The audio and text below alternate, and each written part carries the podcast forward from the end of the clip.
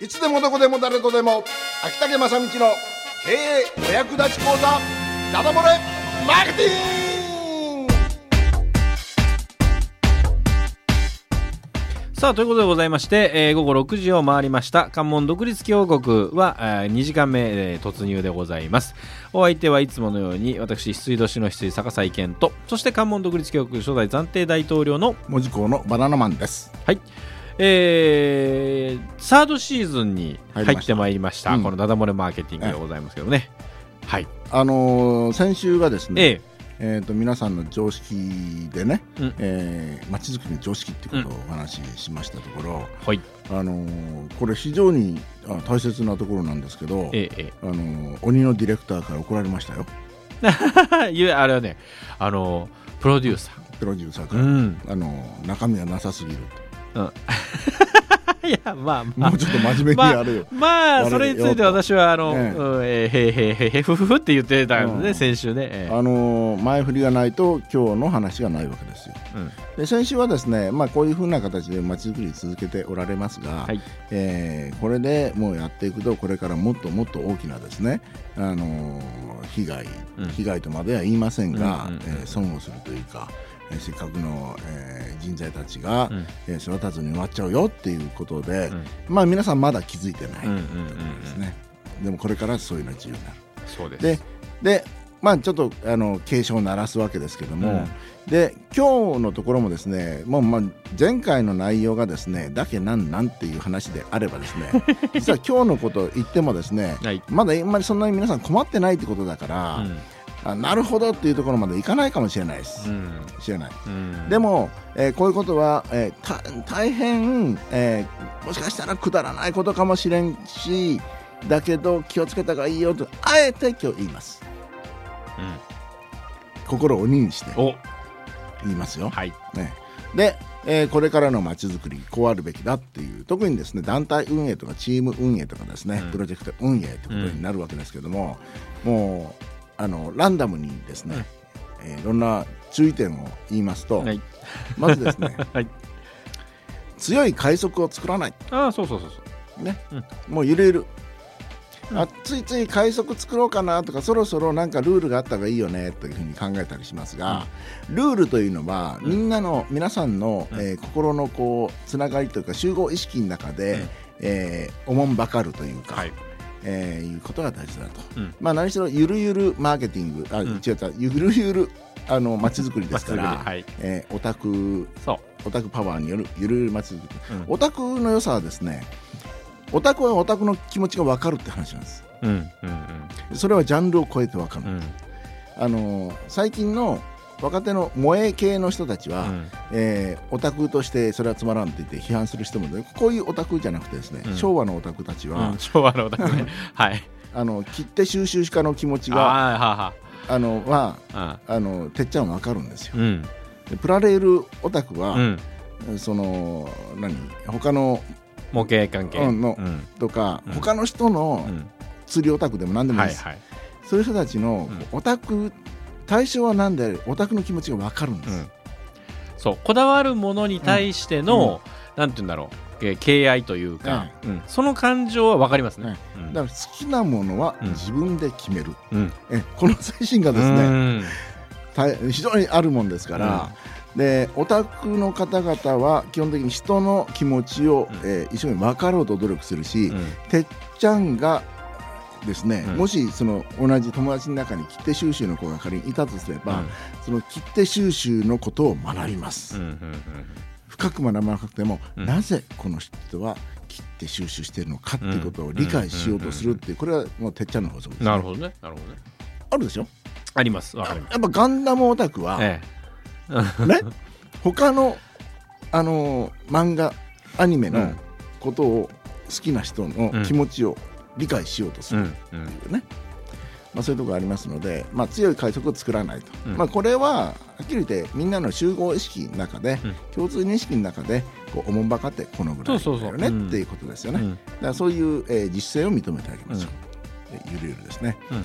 それから、えー前回やりましたノミニケーションっていうのがありましたけどこのノミニケーションを強要しないうん。基本的にはもういらない、うん。えー飲まなきゃ相手の気持ちが分かんねえなんてことはありませんので、うん。えー最近はですねその飲まなくても十分に、えー素でお話ができる方が多いですから、あのー飲みニケーションを共有しなくていい、うん。まあ、その分出費が減るっていうことでもう一挙両得ですね。うん。もうリーダーになってもおごりまくらなくてもいいということがありますので、いいですよ。それから、えー毎日出てこないとか頻度よく出てこないことに腹を立てない。うん。そうね。できることできる時できる人。もう年に1回来ればいい。そうそうそ来てくれたら嬉しい、はい。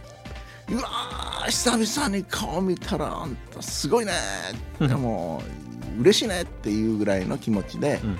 えーそこはですねやっぱり他にえーボランティアとかうん。お手伝いの人を集めるというスキルが必要なわけですけれども、そうですね、え。えー心配しなくても来なくても大丈夫だよって他にもいるからっていうだけの実は集客力が必要なわけですけれども、えーこれを身につければいいわけですから、えー毎日のように頑張ってもらうというのはしない。えうん。であとですねこれこれですね会費はなし、あの参加費ですね、えこれもなしですね。ではあの会食と同じなんですけど、いわゆる年会費みたいなものね、うん。もうあのこの年会費を募った途端ですねもう会員集めに躍起になりますから、うんうん。あの本来事業費は、うん。えーっとそういう事業の仕組みの中から生んでくるもの。であるというのが基本でありまして、あの会費によって運営していくというのは基本的に考えないと、えーここが、えー非常に重要なところで,、で会費がなくて回せないものはやらないと。うん。いうことですね。えーこういうことになるかと。それでもう会費がない分は言い出しっぺがこっそり出すと。うんまあここがね、そうそう。まあ、それとあの必要経費を、ええ。例えばほらあの万博もそうですけど、うん。会場費うん。をみんなで、えーいくらずつあの、うん。カンパしてくださいと。でこういうこれ必要経費って分かるものですから、うん。それは施しっていうかですね、うん。もうお布施というか、そうそうそういう。こまあとですね。あのー。あれと同じですよ。えーっとほら受益者負担、今日来た人が自分たちの会場費を、えー、あのいくらか出しましたと、ね、楽しんだ分、ね、そうそうそうそうそうそうそうでもあのそのお金取られてまでいいね,うん、ね年間の会費で、えー、もうそうやって来なきゃいけないわけですから。もう来ない人を認めてあげるってう非常に大事ね、うん。うん、来ない人をもうあじゃあ私たち面白さを作れなかったんだなっていうことで、うん。うん、えー、次回から来ない人を、あのありがとう。今日来てくれてありがとうって許す心ですね、うん。それからもう当たり前なんですけどもハンドルネームを許す。はい。えこれはですね、まあこれ今いわゆる現代のやり方ね、うん。中の一つですね。えー特に、まあはい。ハンドルネームっていうか、えーまあ何々ちゃんみたいなのは、仲い仲えー、と組織がそこそこできてきて成熟してくると、えー何々ちゃんとかいうふうに呼び方になるわけですけど、もうあえて最初からですね、うん最初からあだ名をつけるとかうん。それからハンドルネームじゃなくてあのホーリーネームとかですね、うん。えーミドルネームとかその辺をですねガツガツつけていってあげるっていうのはね、うこれが私いいんじゃないかと思いますね。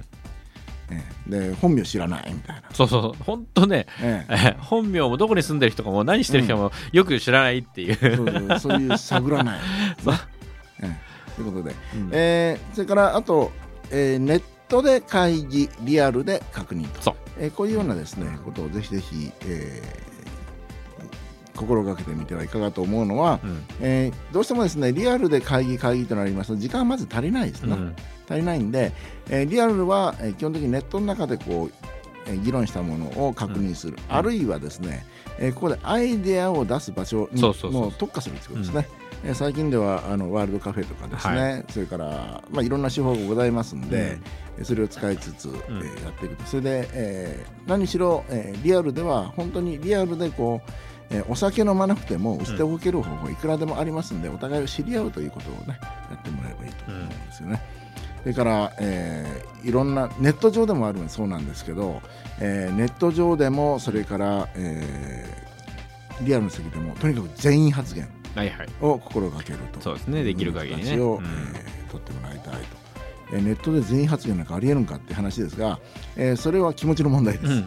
あの発言、えーできなくてもですねああ全部に全員に発言してもらえなくてもそういうか気持ちで付き合ってるかどうかが問題ですので、ここれまとめていく人の仕事ですね。あとはですね、えー皆さんに参加してもうちょっと参加してもらうのこれ重要なのが、えーもう夢を聞くってことですね。ああそうですね。ねもうお宅の方々はですね心に持ってますからね。うん。あの、自分の夢を。うん。えそれをですね、えー自分の夢と比較してうん。どうのこうの言わない、うん。あのーあの例えばですよ、えー雑貨店開きたい。うん。でもう買ってくれる人だけでいいんですとかうん。週に1週間に1回しかあげません開けませんとか言った時に、もうん。